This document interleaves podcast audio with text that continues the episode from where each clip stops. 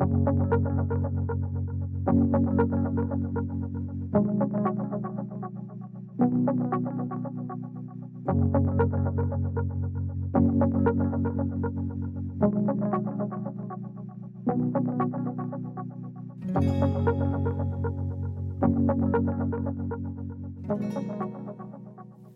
denne episoden skal jeg snakke om et kjempespennende tema, nemlig sorte hull. Jeg lovte jo å snakke mer om det. Sorte hull er utrolig fascinerende. Det er der masse tid og lys ser ut til å ta slutt. Der naturloven ikke gjelder lenger. Lenge så var sorte hull science fiction. Eh, noen forskere forutså eh, at sorte hull eksisterte lenge før det blei bevist, men det var ikke alle som trodde på det. I dag vet vi at sorte hull eksisterer, og ikke bare det, det er mange av dem, kanskje millioner av dem, bare i Melkeveien. Velkommen til Naturfaghjørnet.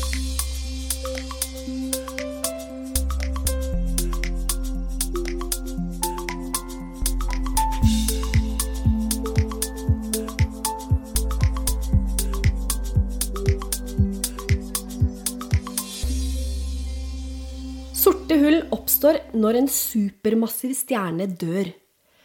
Sånne stjerner er det eneste i hele universet som har stor nok masse og nok energi til å danne et sort hull.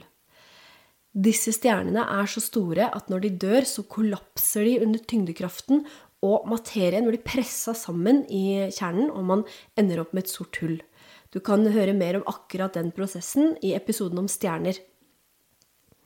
Men vi vet egentlig ikke helt hvordan et sort hull ser ut, for det går ikke an å se det. For å kunne se på noe så må det reflekteres lys, men det gjør ikke sorte hull. De sluker lys, og ingenting av lyset blir reflektert. Og det er jo også grunnen til at vi kaller det her for sorte hull. Sorte hull har en så voldsom gravitasjon at masse og energi, materie og lys i nærheten blir sugd inn. Skulle det dukke opp et sort hull i nærheten av f.eks. en stjerne, så vil stjernen begynne å gå i oppløsning og slukes av det sorte hullet bit for bit over ganske lang tid. Derfor så er sorte hull litt skumle, og mange tenker at det er farlig med sorte hull.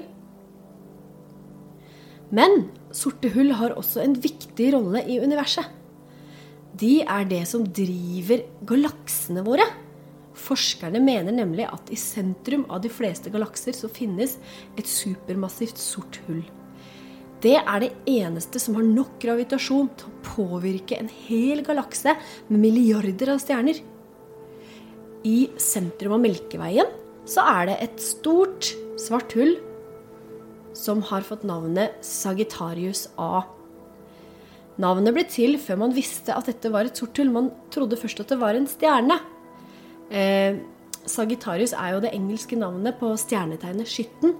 Og Sagittarius A var altså en av stjernene i dette stjernetegnet på, på himmelen. Men i dag så vet vi at dette er faktisk et sort hull, og det ligger altså midten av galaksen vår.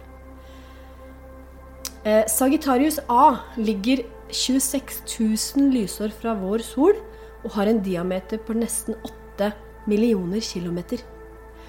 Alle objekter som kommer nærmere enn 23 millioner kilometer, er dømt til å forsvinne inn i det sorte hullet. Heldigvis trenger ikke vi tenke på det. Vi er så langt unna at det vil ikke skje. Så skal jeg gå litt videre fra sorte hull. Jeg har lyst til å snakke litt om eh, romfart og hvordan vi forsker på rommet. Hvordan er det vi veit så mye om verdensrommet?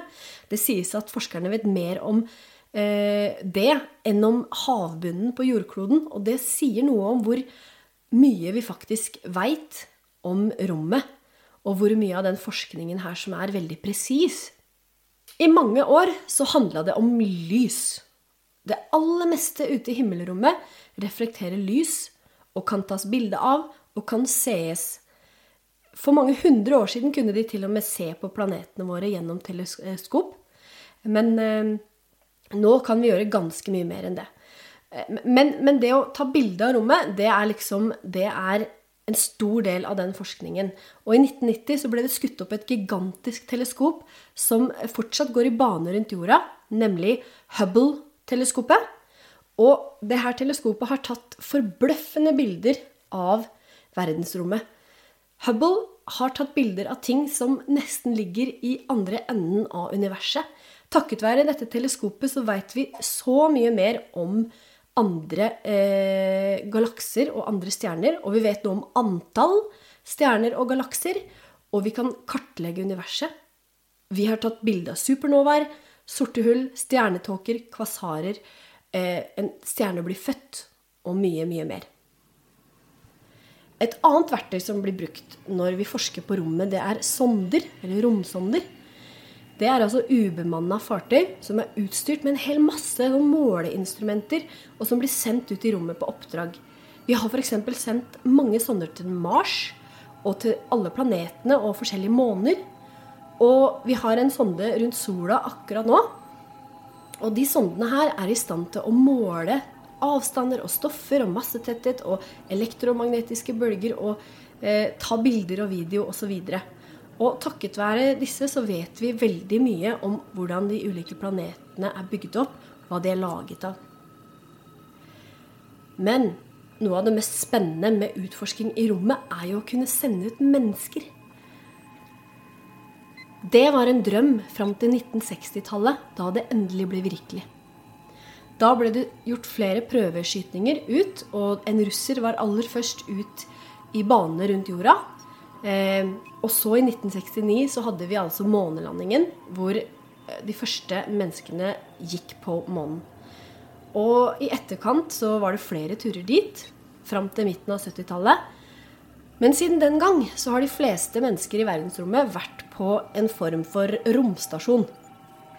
I dag så er det kun én romstasjon i verdensrommet, nemlig ISS, eller International Space Station. Den er eid av flere land over hele verden, og her er det alltid astronauter til stede. ISS går i bane rundt jorda omtrent 300-400 km over bakken. Og den følger med på kloden vår og atmosfæren vår og utforsker rommet. En astronaut som jobber her, er her i flere måneder av gangen. Veldig mange har hørt om NASA, som er USAs romfartsorganisasjon. Men visste du at Norge også er med i en romfartsorganisasjon? Den heter ESA og står for European Space Agency. Det er 22 land i Europa som er med eller som har gått sammen om den organisasjonen, og Norge er altså en av dem. Det får holde for denne gang. Anbefaler å laste ned ISS-appen eller NASA-appen hvis du er veldig nysgjerrig på å finne ut mer om det her. Til neste gang, vær nysgjerrig og vær interessert i universet. En liten oppdatering på denne episoden. Det er en stund siden jeg spilte den inn, eh, og jeg snakka om ISS, The International Space Station. Um, men nå er det sånn at det er ikke bare den som er oppe i verdensrommet nå. Det er en romstasjon til som ble skutt opp i 2021. Nemlig den kinesiske romstasjonen Tiangong Space Station. Så veit du det, og i tillegg så har jeg bare lyst til å nevne at uh, det er skutt opp et nytt teleskop sikkert verdens beste teleskop, mest sensitive, som skal kunne ta bilder og se ting som er i andre enden av universet omtrent. Og det heter altså James Webb Telescope, og det ble skutt opp i, eh, ved juletider i 2021. Og er eh, nå altså kommet ut plassen sin, men har ikke begynt å fotografere ennå, men det kommer snart. Så en liten oppdatering på det.